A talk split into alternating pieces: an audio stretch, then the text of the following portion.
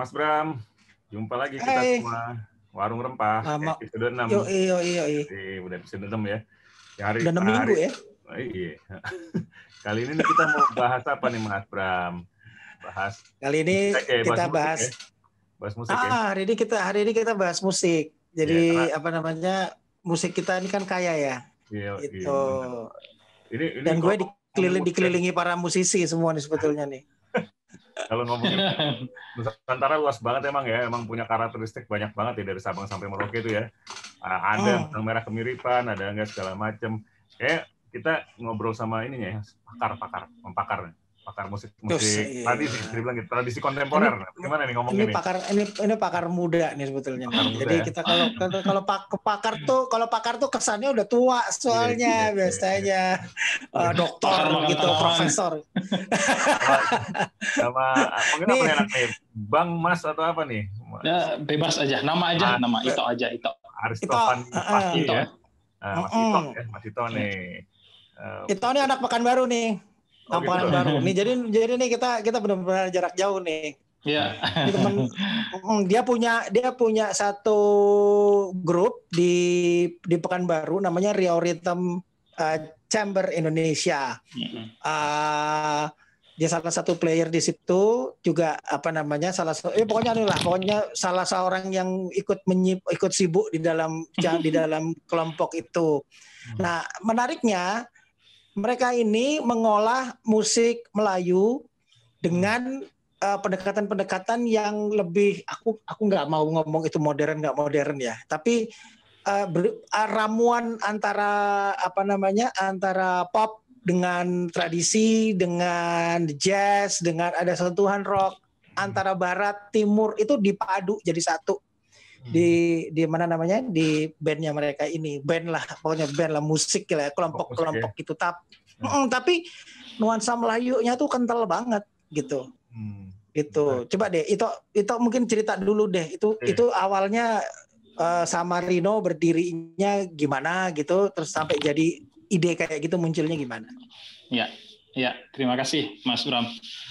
Selamat malam Mas Unggul, Mas Uga, salam kenal. Eh, terima kasih udah diajak ngobrol-ngobrol.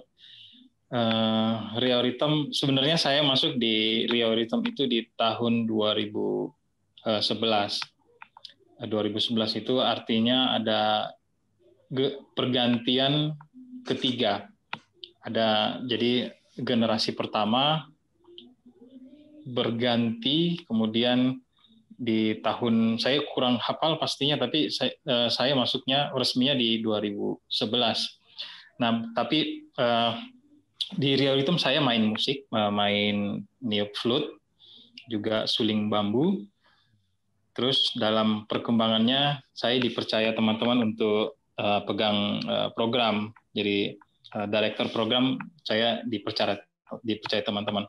Nah, eh, awalnya dibentuk tahun 2001 itu eh, awal-awal kemunculan eh, genre yang bernama world music eh, di Indonesia. Tapi sebelum sebenarnya jauh sebelumnya sudah ada genre world music di Riau, lebih tepatnya itu bertepatan dengan eh, ada di digelarnya festival eh, Riau Hitam Putih, eh, musik festival yang dibuat oleh eh, Om Ben Pasaribu sebenarnya. Jadi eh, ini komposer senior. masih masih ada ya beliau waktu itu ya Ah, ah, Beliau udah dia ada kan ya menggagas. sekarang? dia meninggal se- dua tahun setelah Pak Wayan Sadra meninggal. Hmm, hmm. Nah, itu eh, awal bentuk awalnya itu mengikuti pemainnya. Kalau kalau saya membaca ya di awal-awal mereka Rhythm ini mem- memadukan synthesizer, eh, efek-efek dari computerized, kemudian digabung dengan eh, gambus. Juga eh, selain gambus ada alat musik vokal-vokal sih, vokal-vokal Melayu yang di- diangkat lebih lebih kental. Kemudian semakin ke sini eh, makin eh, apa namanya berubah menjadi combo. Jadi computerized itu synthesizer mulai berkurang, kemudian menjadi combo. Di situ lebih banyak melibatkan alat musik tradisi uh, tambah gambus, perkusi-perkusi Melayu, kemudian juga uh, mulai lebih kental aja rasa uh, tradisinya. Kemudian uh, di 2010 uh, kondisi grup ini mulai menemukan kejenuhan gitu ya. Kemudian saya dari Solo ke Pekanbaru uh, dialog dengan Bang Rino uh, sebagai leader. Uh, apa ini? Apa yang mau kita buat ini? Saya bilang ya udah dibesarin lagi uh, rioritemnya. Karena waktu itu pilihannya ada dua mau membubarkan atau mau dipertahankan gitu. Saya bilang pertahankan aja. Hmm, saya waktu itu masih main lagu-lagu yang lama yang ala-ala fusion, uh, combo band jazz. Kalau Mas Bram tadi bilang jazz itu uh, memang kita sedikit uh, memakai style jazz, progress chord dan beat beat di drumnya kita pakai. Tapi itu tidak murni fusion juga karena setelah dianalisa ternyata Bang Rino ini menggunakan beat-beat uh, pola-pola kendang, pola-pola uh, marwas uh, Riau itu dipindahkan ke beat drum. Kemudian ada informasi bahwa Indonesian Performing Art 2013 itu digelar dan mengundang Riau Rhythm. Di situlah uh, titik di mana kita berubah drastis. Saya bilang saya punya pengalaman IPAM dua kali di Bali dan di Solo itu eh, karakter musik yang dipresentasikan di sana itu saya mengatakan 80% tradisi. Karena kita akan berhadapan dengan global gitu ya apresiator global. Ada eh, Mas Bram penyelenggara di Bali waktu itu. Ada eh, buyers ada produser ada eh, director festival yang mereka tentu saja mencari yang unik-unik. Itu yang saya jadikan bahan diskusi dengan teman-teman. Maka formatnya berubah drum combo set drum itu diganti dengan seluruhnya menggunakan uh, apa kulit. Uh, kicknya kicknya itu pakai uh, tambur drum. Kemudian uh, tom tomnya itu digunakan gendang uh, ketepak waktu itu ya. Kita tidak menggunakan senar senar drum waktu itu. Kemudian uh, kita melibatkan calempong dan uh, ini ya kayak kayak bonang gitu dan gambus tiga. Jadi uh, prasyarat 80% eh, tradisi itu kita penuhi dan kita bawa sampai sekarang. Itu sih perjalanannya sampai di album ke yang terakhirnya ke tujuh kalau nggak salah. Hmm. Itu sih cerita singkatnya, Mas. Hmm. Terus sekarang sekarang lagi ngangkat lagi ngangkat banyak banyak anu ya banyak banyak eh, narasi-narasi tentang apa tentang daerah tentang alam tentang apa gitu loh yang yang yang sekarang sedang diolah oleh oleh ini RRC hmm. ini. Iya mm -hmm. di di bentuk di formasi yang terakhir ini memang uh, mulai semuanya mulai terarah gitu dari mulai bahwa kita menciptakan itu narasinya uh, satu narasi tapi bisa saja uh, jenis musik yang diciptakan itu bisa beragam, tapi kita berangkat dari, dari satu narasi. Narasi yang di 2013 itu kita angkat uh, Swarna Dwipa uh, tentang Sriwijaya waktu itu ya, karena kenapa Sriwijaya? Karena kami waktu itu intens sekali berdiskusi mengenai uh, kembali ke mitos-mitos waktu itu ya, cerita-cerita lama. Ada sebuah uh, uh, uh, apa peninggalan arkeologi Candi Muara Takus yang penuh misteri bagi kita gitu ya. Cerita berseliweran bahwa ah, ini pusat Sriwijaya. Oh, kok Sriwijaya di di Palembang juga mengakui, di Jambi juga ada. Wah, ini makin menarik bagi kita gitu. Kemudian saya bilang, ayo kita riset lah, kita kecil-kecilan ketemu narasumber. 2013 sampai 2015 intens selama dua tahun kita ke berdiskusi dengan orang-orang di sekitar Muara Takus juga saya mencari data pustaka, eh, kemudian ngobrol-ngobrol juga dengan beberapa pakar yang bisa kita temui soal eh, narasi Sriwijaya ini. Lengkap sekali, eh, sorry, beragam sekali cerita ini. Dan kita jadikan sembilan, sembilan buah karya yang kita ambil judul Suwarna Dwipa albumnya. Setelah itu di 2020 ini kita angkat kekuatan maritim ya Nusantara.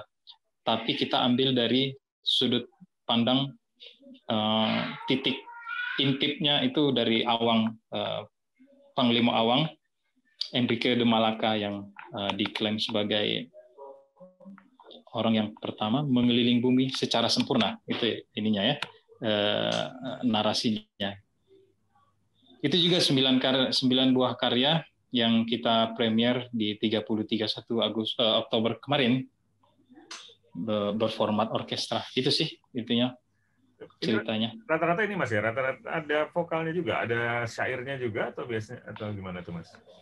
Iya, uh, syair-syairnya itu kita ambil kalau yang Swarna Dipa itu kita ambil dari tradisi lisan, nyanyian-nyanyian tradisi yang kita himpun yang mempunyai hubung kait dengan uh, Candi Muara Takus waktu itu. Uh, kemudian kalau yang di Awang ini itu lebih banyak mantra sebetulnya, mantra dan tradisi lisan.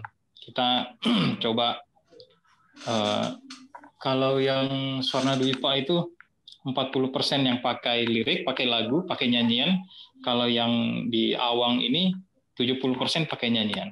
Dan itu uh, kita himpun dari mantra-mantra yang kira-kira kita kalau misalnya main mapnya itu awang itu Bajo dapat, uh, Ternate dapat, Semenanjung Melaka dapat. Jadi uh, itu kita kita libatkan semua.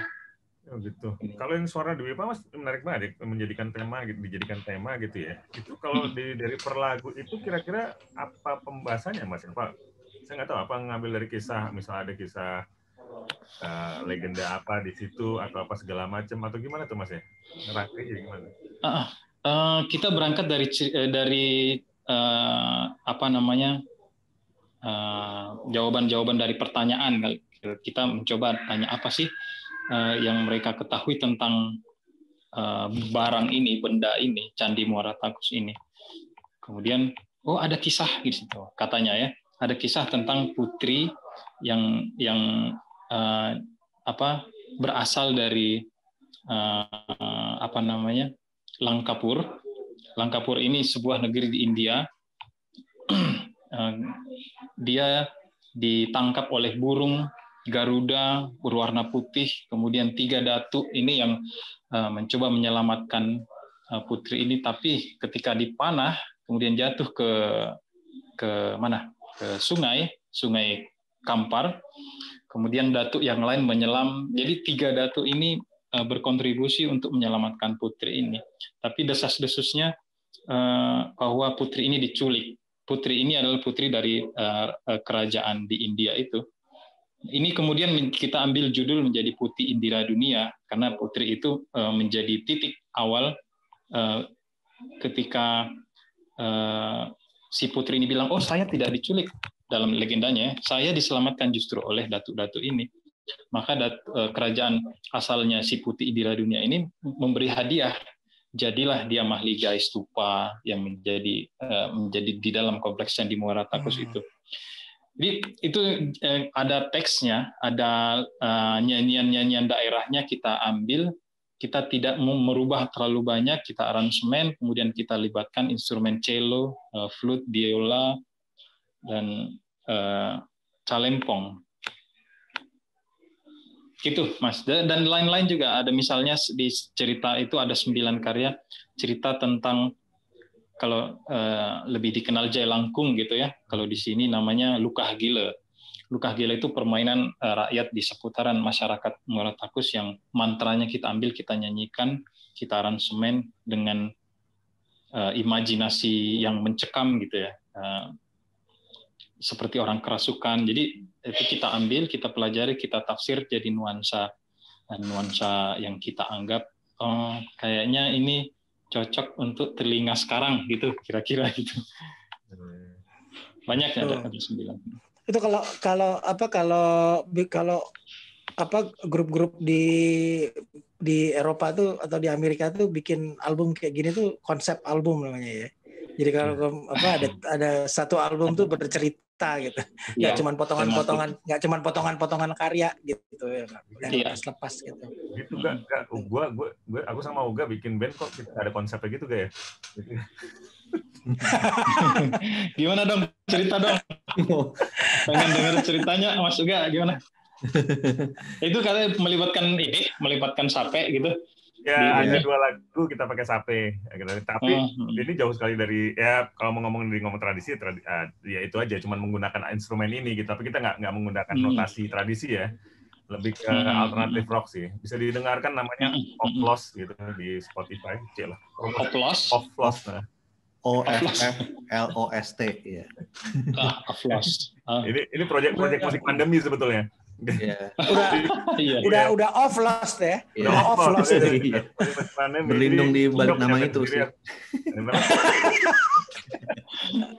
makanya tadi makanya nggak ada konsepnya gitu mas jadi kita cuma ngirim lagu direspon respon Iya. respon jadi lagu jadi album gitu ya Rhythm udah punya udah punya ini kan di di di di Spotify bisa bisa denger Di kan? ah, ya. Spotify ada, ada.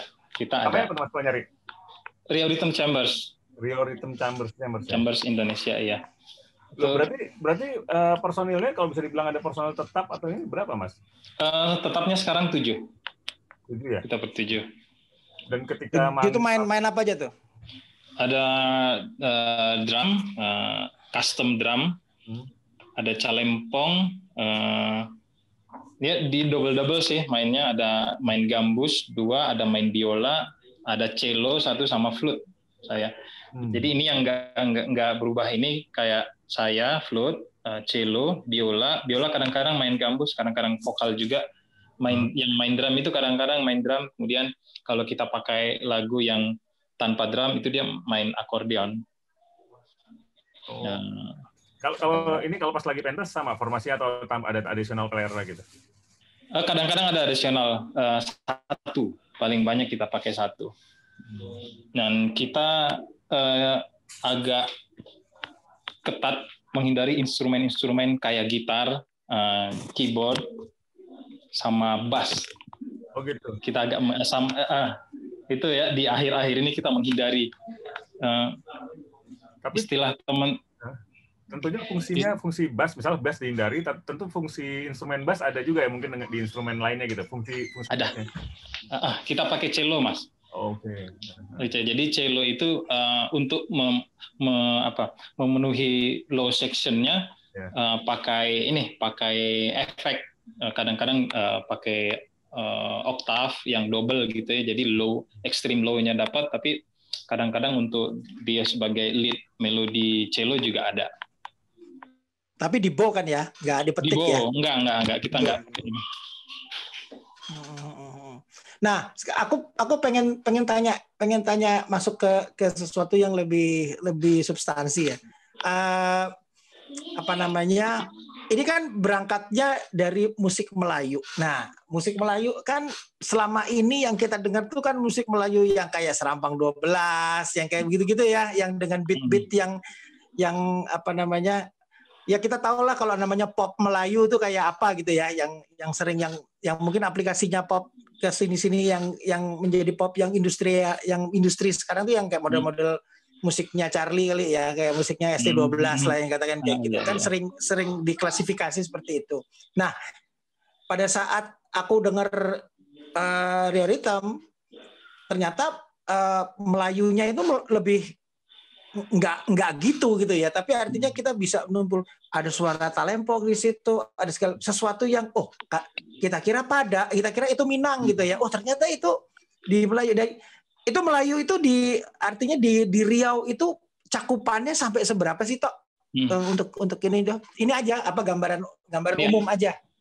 Ya, Eh, dari saya membaca buku Sulalatus Salatin itu, eh, sebenarnya saya juga punya pengen pengen menelusuri itu ya, eh, musik-musik yang ada di Riau dan eh, kesimpulan sementara saya Riau ini unik karena memang dibentuk oleh dua kutub yang cukup kuat. Kalau misalnya kayak Charlie atau Iyet Bustami itu pesisir gitu ya, yang lebih eh, Melayu pesisir, Riau pesisir yang kalau misalnya kita mau melihat dari jauh itu kayak Malaysia gitu. Padahal Malaysia dan Riau itu pada zaman dahulu istilahnya ya laman bermain seberang parit istilahnya. Jadi kayak kayak tetanggaan kita mau main main beli beli permen itu di di sana di Malaysia di Singapura gitu. Jadi itu hmm. uh, uh, seperti itu hubungannya. Kebudayaannya juga tentu saja pertukarannya cukup kencang nah kemudian selain itu selain Malaysia uh, Minang itu memang dianggap uh, menjadi kontributor kultur yang ada di di Melayu di Riau. Tapi uh, berdasarkan data yang kita cari yang kita temukan itu malah ini debatable ya bahwa Calempong itu asalnya adalah apa, uh, apa namanya berada di seputaran Candi Muara Takus karena ceritanya sendiri uh, Muara Takus ini jauh jauh sebelum ada sebelum dibentuknya Istana Pagaruyung di di Minangkabau. Hmm. Swarna Dipa sendiri, ya Swarna Dipa sendiri itu di, di kalau nggak salah di eh, di tahun 600 700-an ketika itu mencapai masa jayanya ketika Icing hmm. itu ke situ ya uh, mampir ke situ artinya ada masa yang jauh uh, uh, sebelumnya yang yang sudah hidup berkembang sebelum jauh sebelum Pagaruyung itu di Minang gitu Oke, okay, jadi ya. jadi memang memang Abdu ya, memang memang bukan bukan sekedar gambus atau sekedar apa kendang yang ya. kendang yang cuman satu, satu sisi itu ya. Jadi ya. bukan bukan selama kan kalau kita dengar musik Melayu itu kan identik dengan akordeon, ya. ada hmm. biola, ada gong satu, hmm. apa lagi tuh, gendang, gambus gitu. Ternyata sekompleks itu gitu ya. Iya, justru justru sangat justru sangat kompleks uh, di Riau ini. Uh, dan makin lama makin menarik karena kok uh, challenge untuk menemukan asal itu justru kita ditarik terus ke ke Riau.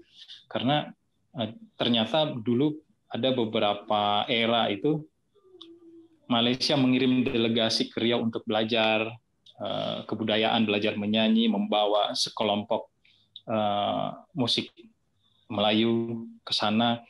Dan eh, apa namanya selain itu juga eh, Melayu daratan jadi ada tiga mas kalau klasternya ya kalau kita membuat klaster kasar Melayu pesisir ala ala Malaysia kemudian eh, Melayu darat yang itu identifikasinya Minang kemudian Melayu hutan Melayu adat yang ini yang yang uh, kebudayaannya ini selalu terkait dengan hutan, sungai. Uh, mereka lebih banyak bernyanyi-nyanyi saja dan itu karakternya dan mereka mengatakan diri Melayu gitu. Jadi just, iya, iya. Nah, ini pemahaman Melayu justru ketika kami mulai masuk ke Swana Dwipa itu justru membuka cakrawala. Uh, Melayu tidak sesederhana itu ternyata gitu ya. Iya. Sedangkan kalau ngomong gambus itu kan juga sebenarnya uh, import ya mas sebetulnya ya. Import. Ngomong gambus Persia. ya. Iya. Benar. Nah, kebanyakan kan kebanyakan soalnya kalau dilihat dari dari dari lagu-lagu Melayu yang pop katakanlah yang pop gitu ya yang sekarang ya ya tadi hmm. itu bilang Iyat Bustani gitu ya.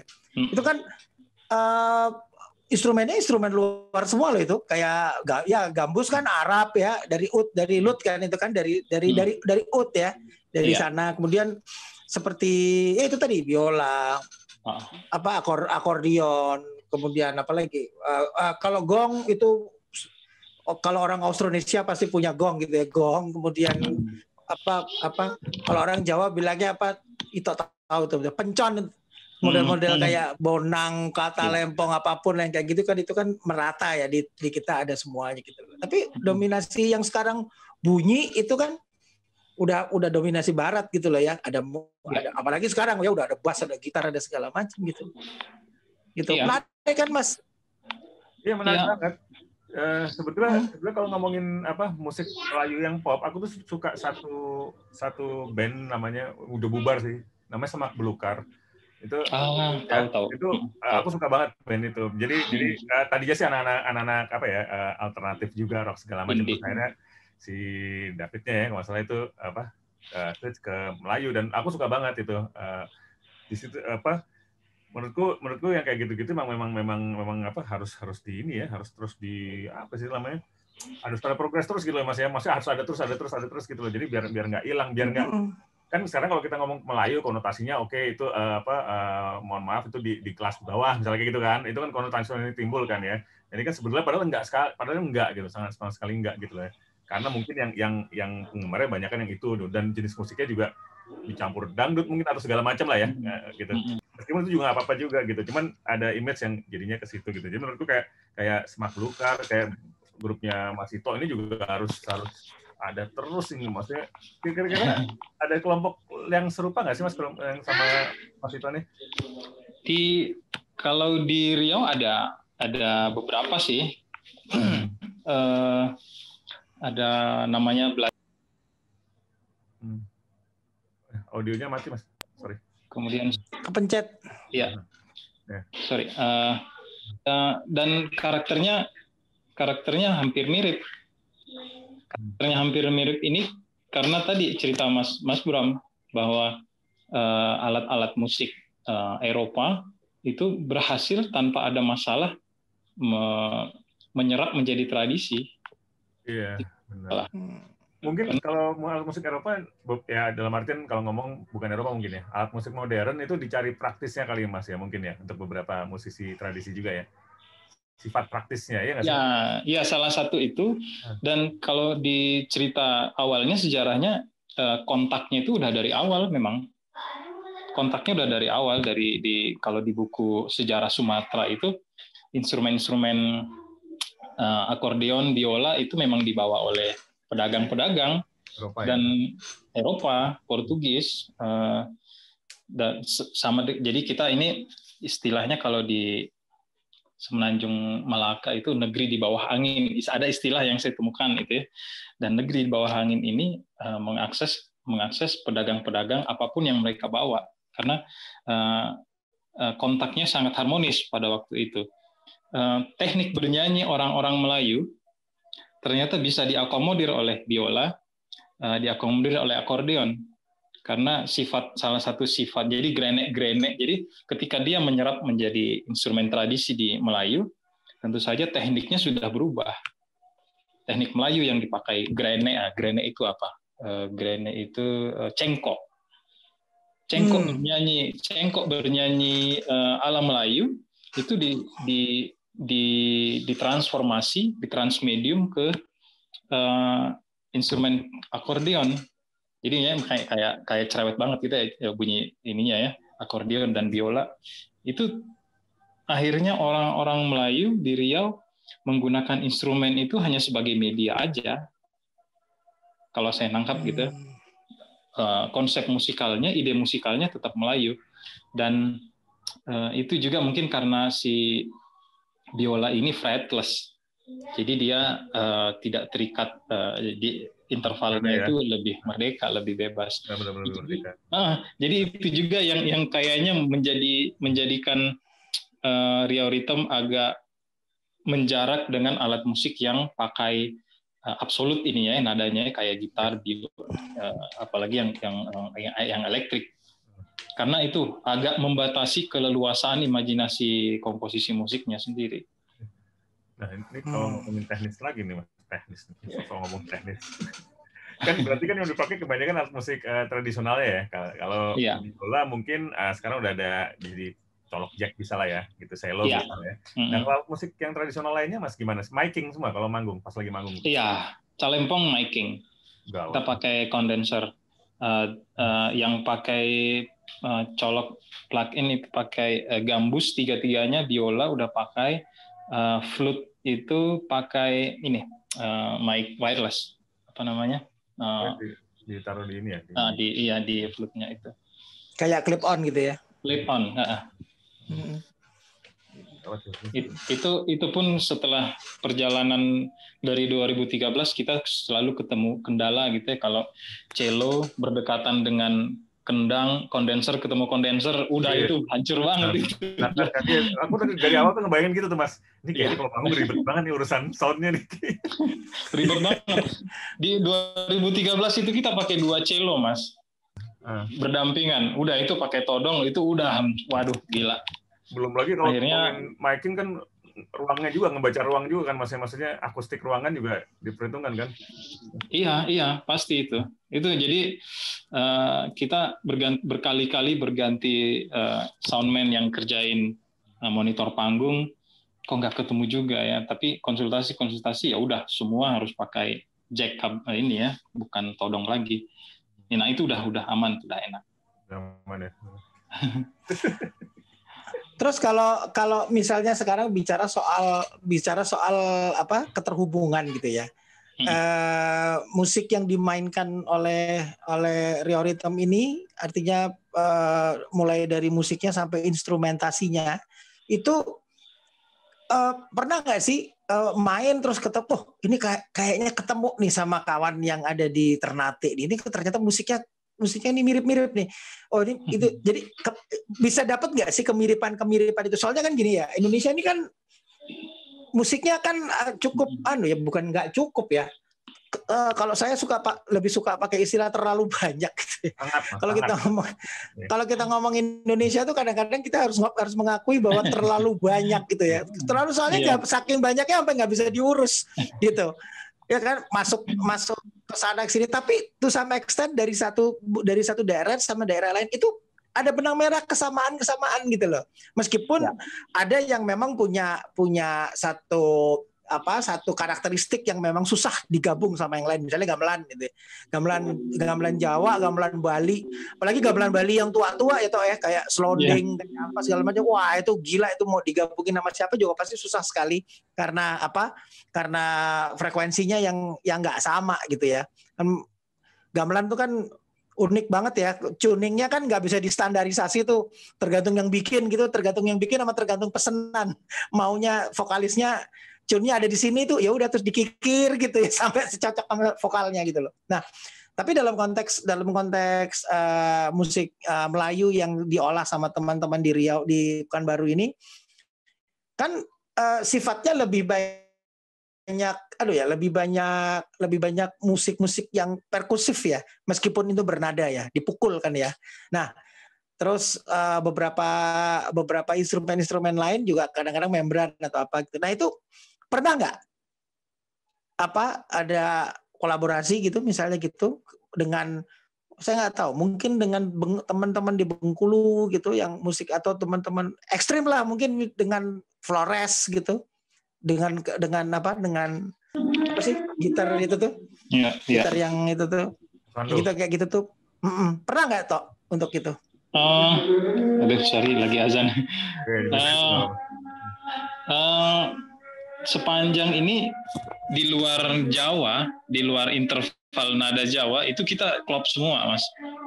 Hmm. Eh, karena Jawa itu kan eh, sangat spesifik interval nadanya ya, selendro, pelok, madenda, eh, dan memang di sana ketika ada pertemuan itu toleransi toleransi kita kita dialog kita temukan dengan cara dialog kayak di PKN tahun lalu kita kolaborasi dengan Sasando waktu itu teman-teman Nusa Tuak namanya itu eh, kita kode aja gambus itu lebih banyak bermain di di eh, area nada A, C, dan D.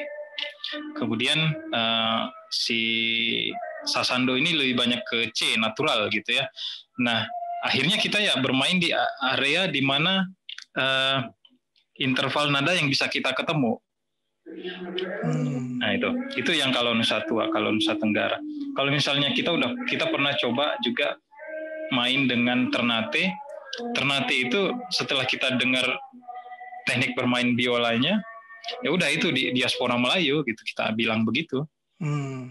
Tekniknya grene, grene, cengkoknya Melayu, teknik bermainnya kalau di Minang itu kayak rabab pasisia gitu, Eh, ber- eh, biola yang diletakkan di lutut kemudian dimainkan Hmm. kayak kayak rebab.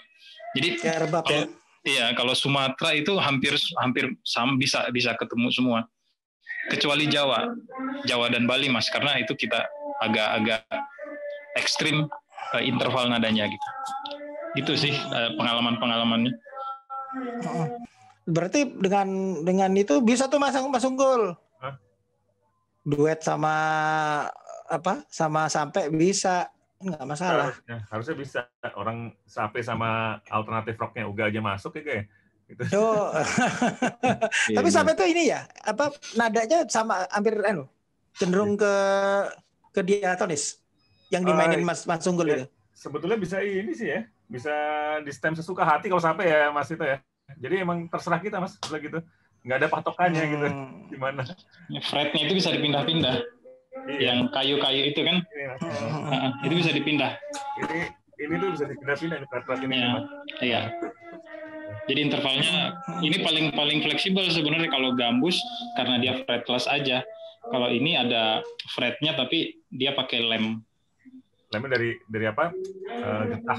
Getah, getah yang ya dia itu ditempel. Damar. Dipindah. Iya. Gitu. Meskipun aku nggak berani sih pindah-pindah ya. Karena nggak bisa nggak bisa nyetok lagi tuh Dia senar foto saya bingung nyari di mana beli gantinya. Itu dia dulu kan pakai rotan dia. Iya, rotan. Kalau aslinya kan aslinya rotan. Berarti ganti pakai akar aja. Iya, akar itu. aslinya itu cuman uh, mana belinya gua? Akar pun jadi. Kalau ya, ya, Mas, ya. Mas Uga main apa Mas Uga? Aku main biasanya main drum sih. Ah, oke. Okay. Dulu sempat juga uh, waktu apa namanya bosan ngeband tuh jadi terus ada dosenku di sastra namanya Mas Yudi ngajakin main teater gitu tapi di musiknya akhirnya um, di situ belajar bonang sih sempat belajar bonang. Terus ikutan dia ngamen di mana-mana gitu ada ininya. Ya udah terus udah. Susah juga sih sebenarnya. Jadi selalu bawa kebetan gitu. Kalau bonang kan pokoknya ini sama mana gitu ya. Satu ah, iya, iya. gitu kan. Jadi dan emang ada gapnya gitu kan. iya. Jadi kalau itu tuh dulu it, itu tuh dulu main mainan tuh main main di Solo waktu masih di Solo tuh ini orang aneh nih Mas Mas Unggul nah. dia tuh orang orang Makassar nah. terus gede terus sekolahnya nggak jelas sampai ke Solo gitu kan nah. terus sekarang di Pekanbaru gitu iya, iya, iya, Vokabulari telinganya. Ngomong Makassar, Makassar apa juga mas? Apa uh, musik tradisinya kalau Sulawesi uh, Makassar apa berarti? Uh, ke ini juga hmm. ke arah gambus gitu juga? uh, di ada ada kalau di Sulawesi Selatan bagian utara itu ada kacaping. Hmm. Uh, kalau di Bone, Kabupaten Bone, Selayar ada gambus. Uh, kalau Makassar itu lebih banyak perkusi sebenarnya yang kita biasa dengar dengan uh, tari pakarena itu musik pakarena gendang dua gong satu sama uh, trompet, trompet. Uh, pui pui namanya Uh, di itu kalau misalnya di di dia uh, apa ya dia dia peredarannya itu dari interval nada itu dari dari uh, Filipin turun ke bawah itu karena Eh, perjalanan ininya ya uh, kulturnya kampus itu memang dari dari dibawa oleh pedagang Arab. Hmm. Nah kalau kalau di daerah Riau sendiri yang uh, daerah Riau kalau soal syair nih mas, syairnya ada hmm. karakteristik nggak nih mas kalau soal syair? Iya, uh, soal syair itu uh, itu tadi uh, karakter mulai dari apa yang dikisahkan hmm. dan apa uh, cengkok tadi itu memang uh, cukup jelas kita bisa baca bedanya uh, di Melayu pesisir. Itu banyak bercerita uh, mengangkat syair-syair pantun-pantun hmm. yang pantun nasihat gitu-gitu ya. Uh-huh. Juga kadang-kadang uh, kalau misalnya ada pantun-pantun spontan yang yang beredar di yang saya bilang tadi kultur uh, Riau uh, Melayu Darat itu mereka ada namanya madihin hmm. yang pertunjukannya itu bisa satu jam sampai dua jam hanya berdua pakai gendang kemudian gendang yang mirip dipakai semak belukar itu ya. Iya, iya. Eh, kemudian saling berinteraksi spontan sampai satu jam mereka berimprovisasi, Oh, gitu. tapi sangat eh, canggih mempertahankan kaidah-kaidah pantun, pantun-pantun rimanya gitu ya, kayak misalnya A, A, D itu dipertahankan dengan spontan berada di atas panggung, kemudian merespon penonton, merespon misalnya ada pejabat yang ada di situ, jadi ini satu eh, kesenian yang menurut saya canggihnya luar biasa gitu. Jadi bisa gitu orang manusia membuat pertunjukan musik seperti itu gitu. Iya. Ini otaknya itu kayaknya punya memori yang yang gede banget itu.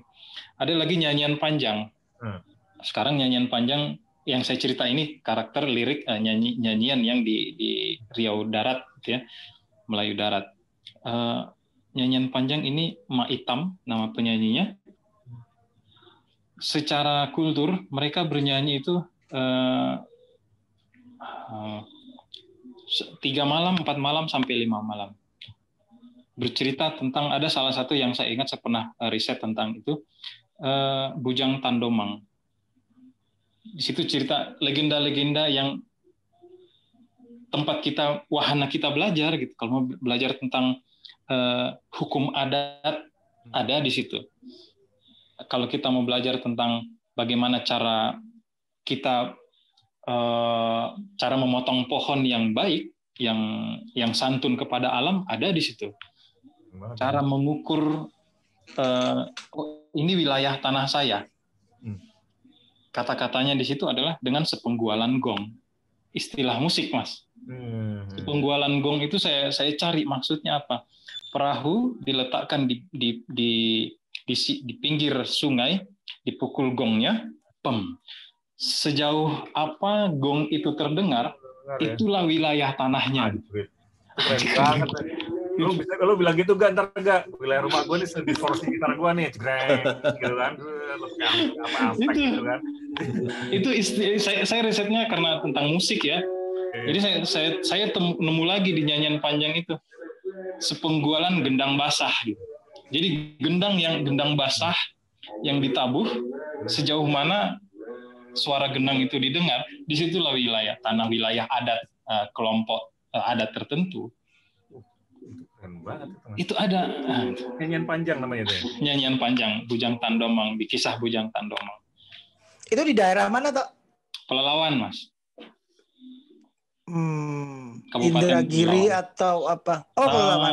Ah, Kabupaten Pelawan. Indragiri ada juga kisahnya. Dia mereka masing-masing punya dan dinyanyikan karena mereka punya punya tradisi pantun yang kuat gitu ya. polanya Jadi- pola pantun gitu maksudnya apa eh, ini pantun gitu ya Pantun, pantun. Sastra lisan. Yang berangkatnya berangkatnya banyak dari situ. Toh ada nggak satu satu lirik gitu ya yang bisa nggak usah nggak usah dinyanyiin, artinya dibacain gitu. Pengen pengen denger apa namanya eh, bahasa Melayu itu bahasa Melayu itu kayak apa sih bunyinya gitu lah. Ada nggak? Ada nggak yang bisa yang bisa itu bacain? Enggak, enggak, ampun saya enggak enggak ini. enggak berani.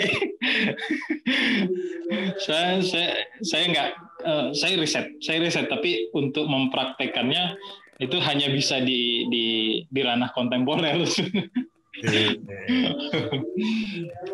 Tapi rata-rata itu itu bercerita apa liriknya tuh banyak banyak merespon apa sih sebetulnya? Alam, alam, eh, alam, alam. Alam.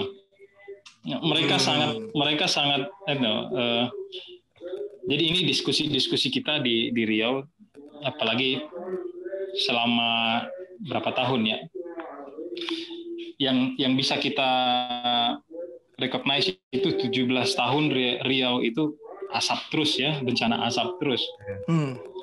Nah, itu tentu saja berkaitan dengan hutan. Nyanyian-nyanyian tradisi lisan itu sudah mengatur semuanya, sudah memberitahu kita. Tapi apa apa yang hilang selain selain hutan itu adalah eh, kearifan lokal yang lain seperti nama pohon, nama burung-burung yang hidup bergantung dari pohon dan itu dipantunkan semua, ada pantunnya dinyanyikan semua. Burung serindit misalnya kemudian ada pohon yang eh, madu yang sialang, pohon sialang ini yang pohon sialang ini tempat berkembang biaknya lebah sialang yang menjadi salah satu terbaik di Nusantara madunya gitu ya. Dan itu sudah dikuasai dengan uh, Taman Hutan Tesonilo. Menarik loh mas. Maksudnya uh, kalau sekarang kan aku kebetulan di advertising ya. Salah satu teknik kita kan untuk untuk menginjek apa pesan gitu ya. Entah itu brand, entah tagline itu adalah dengan nyanyian gitu. Karena kalau dengan nyanyian orang pasti gampang recallnya, gampang-gampang ingat gitu hmm. gitu loh. Biasanya hmm. gitu. Nah, ini kan berarti teknik yang sama digunakan ya ber, mungkin ratus atau ribuan tahun lalu gitu ketika bicara soal pohon daripada orang kagak apal-apal nih dinyanyiin aja tentang pohon ini orang pasti apal gitu loh terus dan lain sebagainya gitu kali mas ya menurut ya. itu, itu. iya ya benar uh. karena pola pola transform uh, pola transfer knowledge-nya memang lebih enak kalau dinyanyikan gitu jadi dia lebih lama lebih abadi daripada benda misalnya benda dimakan usia hancur tapi kalau nyanyian itu sepanjang emaknya Nyanyi. mempertahankan itu ya menyanyikan nyanyi tidur sebelum tidur Nina Bobo itu semua pantun kalau di sini. Keren ya.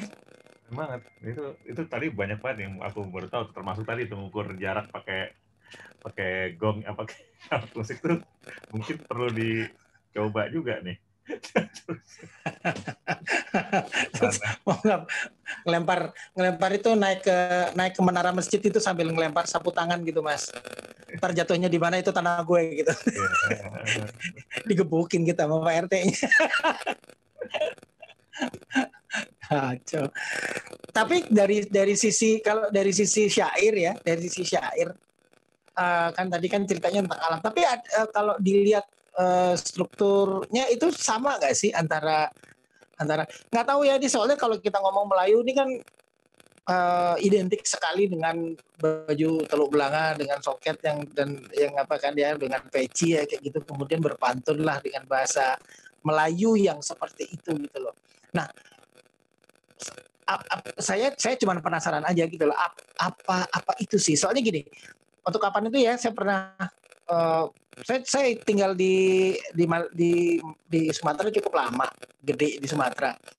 Uh, dan terpapar banget dengan dengan kesenian itu kesenian uh, Melayu Delhi itu kan saya sering lama cukup lama di, di daerah di Sumatera Utara di Medan Utara di Pangkalan Susu sana itu kan apa di Pulau Kampai itu kan uh, kesenian wah you name it lah itu. Mulai dari mainang lah apalah segala macam itu ada tari-tarian yang semacam itu. Nah tapi begitu saya kembali ke kembali ke saya sempat juga ke Dumai gitu kemudian ke Jakarta gitu loh. Ternyata persepsi publik itu terhadap Melayu itu ya Melayu yang itu gitu loh Melayu yang Melayu yang serampang 12 itu gitu loh.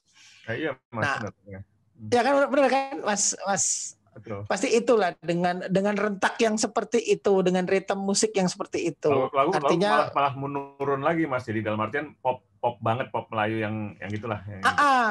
Gitu. Tapi tapi Mas, tapi Mas kalau kalau dengar kalau dengar ST12 atau atau ya katakanlah ST12 ya kalau kalau iya tuh masih masih dekat-dekat banget itu sama sama kalau menurut saya ya Iyat itu masih dekat sekali itu ritme dan segala macam dengan serampang 12 dan lain-lain itu. Tapi kalau yang itu Charlie lah Charlie yeah. dengan ST12-nya itu itu yang udah jadi pop yang udah ada mulai menggunakan musik-musik musik-musik ini musik-musik barat itu dengan gitar dengan segala macam apa ritmenya tapi kan ritmenya ritme itu gitu loh nah, yang meskipun yang, apa yang dipakai. apa, emang emang harus luas mas menurutku. Harus ada yang model iya, kayak iya, iya. ada yang ada luhung kayak mas Ito dan kawan-kawan ini betul, juga betul. Nah, tapi maksud maksud saya itu eh, justru justru kita itu harus harus memperbanyak ngobrol kayak gini supaya supaya pengetahuan tentang tentang musik itu juga juga meluas gitu loh. Gede banget meluas gitu loh. Jadi uh, orang sekarang kalau orang tahu talempong talempong yang diatonis kan yang munculnya itu kalau ada pas kawinan kawinan aja kan kalau kita di Jakarta kan gitu mas. Mas Tunggul ya, kita kan tahu tahu lagu daerah kalau di Jakarta kan dari kawinan mas. Yo terus terus apa namanya kayak kayak apa namanya kayak uh, apa uh, itu apa uh, tar, apa kok tarling sih? Uh, kecapi suling kecapi suling yang Sunda itu. Hmm. kan kita gue gue juga tadinya kenal gituan juga dari dari satu nikahan ke nikahan yang lain gitu ya kalau kalau kalau di Jakarta itu. Eh giliran gue apa namanya uh, mulai kenal sama dunia di dunia pertunjukan di Eropa sana mereka minta lo pertunjukan kecapi sulit gue carinya di kawinan asli. Bener. Dan dapat dan ya? ketemu sama si maestronya itu dia pada saat dia lagi PY di kawinan itu gitu. Udah begitu dibawa ke bawa ke Eropa, gila dia main di gedung pertun di gedung teater loh ya di konser hall loh.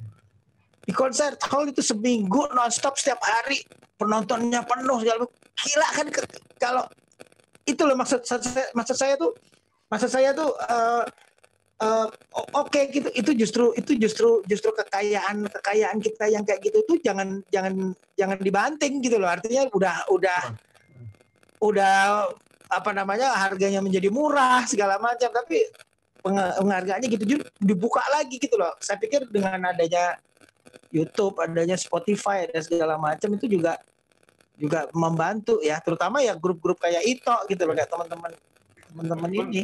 aku mau gak sih menyiap nyelipin dikit? Aku juga ada berapa di lagu Of Lost nih pakai karinding gitu. Hmm.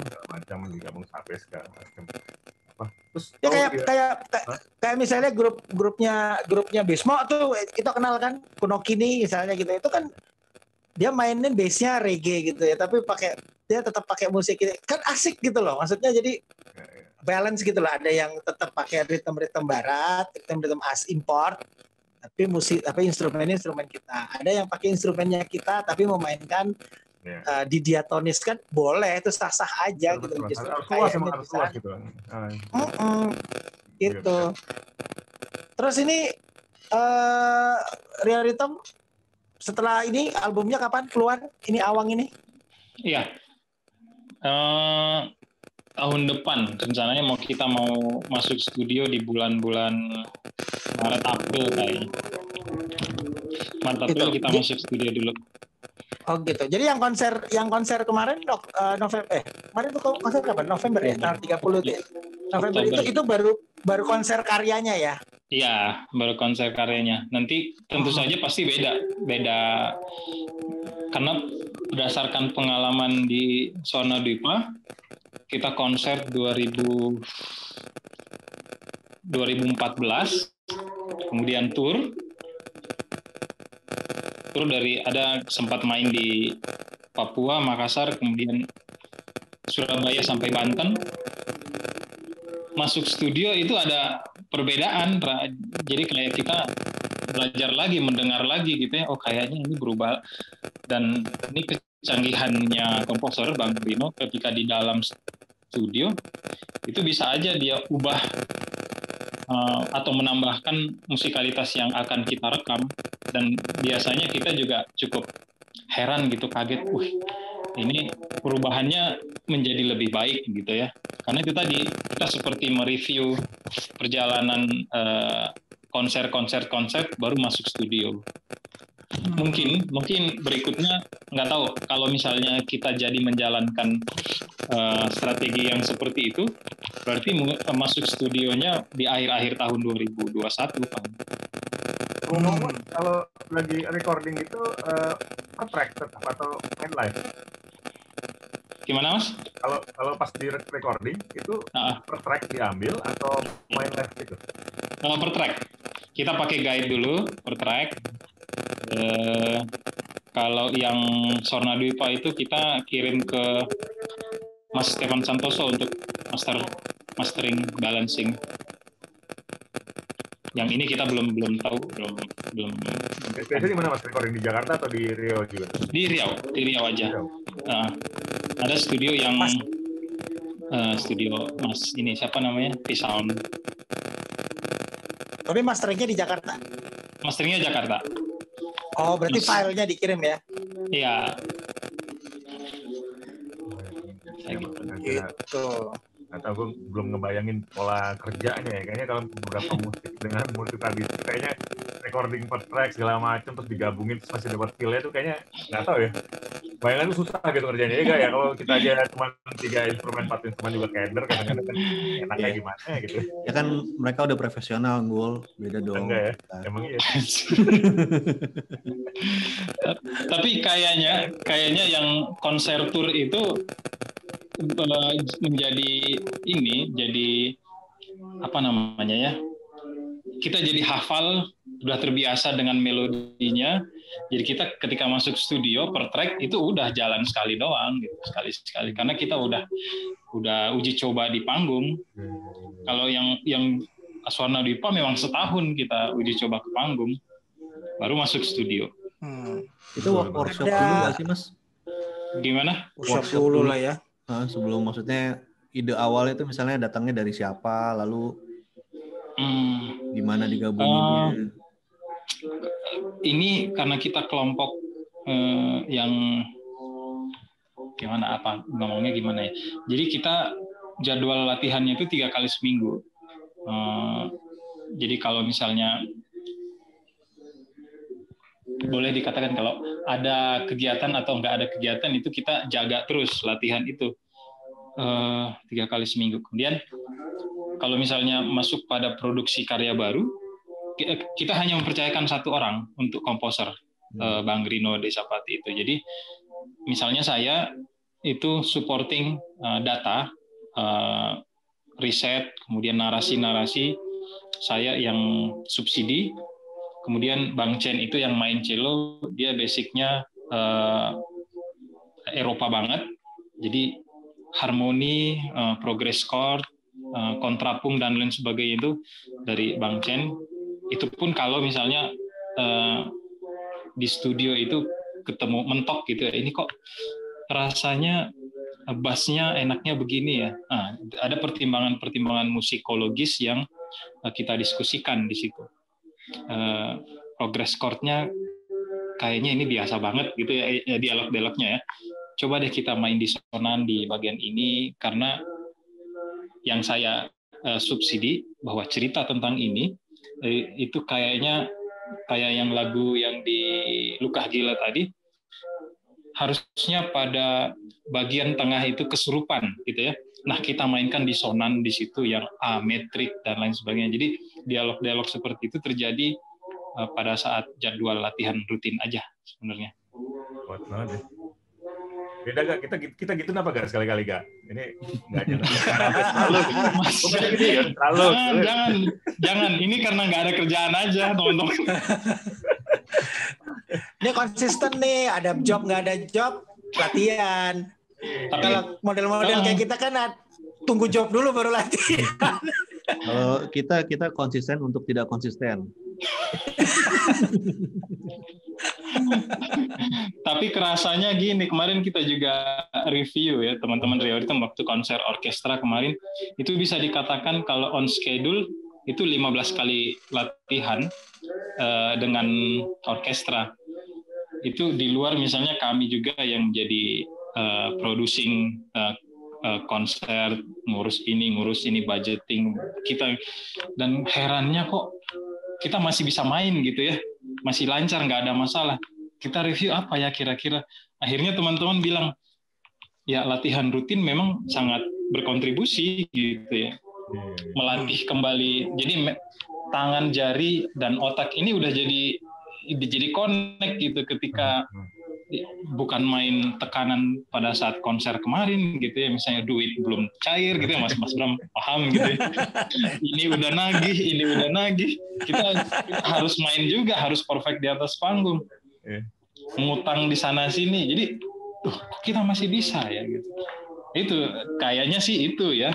Uh, salah satunya yang yang menjaga uh, jari tetap bisa diperintah sama otak Okay, itu uh, kemarin berapa berapa orang ini ya pemain orkesnya?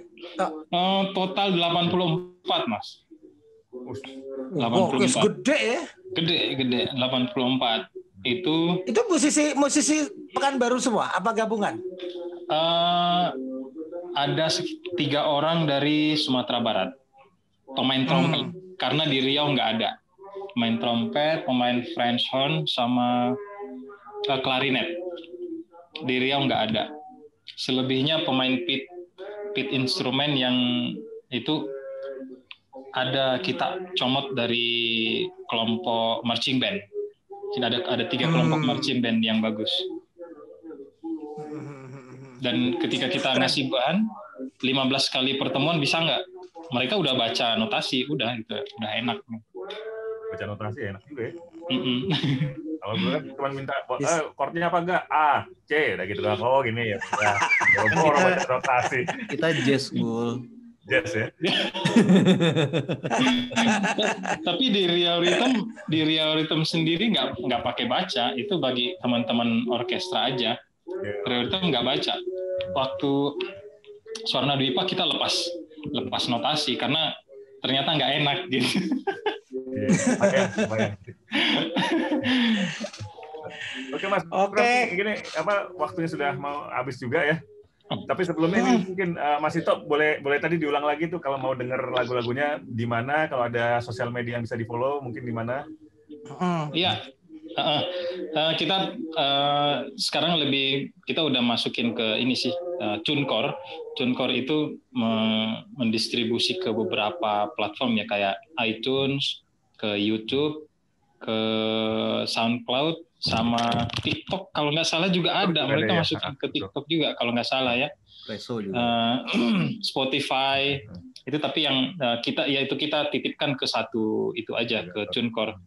Tapi yang kita rawat agak intens itu di YouTube. Karena kita konten-konten uh, video itu rasanya uh, perlu agak-agak konsisten meskipun jaraknya agak jauh gitu ya sama kalau misalnya di Instagram kita @riauritm Rio Rhythm ya. Di ah, ah, Spotify juga Rhythm ya, Rio Rhythm. Iya, ya? iya. Oh. Ah, kalau Spotify Rhythm Chambers, Mas. Oh, Rhythm Chambers, Chambers Indonesia. Ya. ya. Instagram Rhythm ya. Iya, Instagram. Aku follow follow di fallback ya. Harus, harus. Oke Mas, uh, itu thank you banget ngobrolnya malam ya. ini. Uh, Siap. Ngobrol-ngobrol lagi yang lebih seru mantap lagi ya maksudnya kolaborasi dong kolaborasi Wah, boleh boleh waduh ngeri gua kolaborasi Kita kirim aja, gue gua salah-salah tinggal diisi sama mereka. Ya bener ya. Ini yang pusing, yang pusing kan gitu ya. Kita kan gak pusing ya. Kita duluan yang ngirim, jangan sampai mereka dulu yang ngirim. Ya, jangan jangan jangan mereka dulu yang ngirim. Oke, thank you banyak. Ita, thank you Ita. Iya, Mas. Thank you, Ita. banyak Mas Unggul. Salam, salam dengan Rino ya. Siap, siap. di, di Rino, maaf, lagi bertugas malam ini. Baik, terima kasih banyak. Assalamualaikum. Salam. Makasih, makasih semua.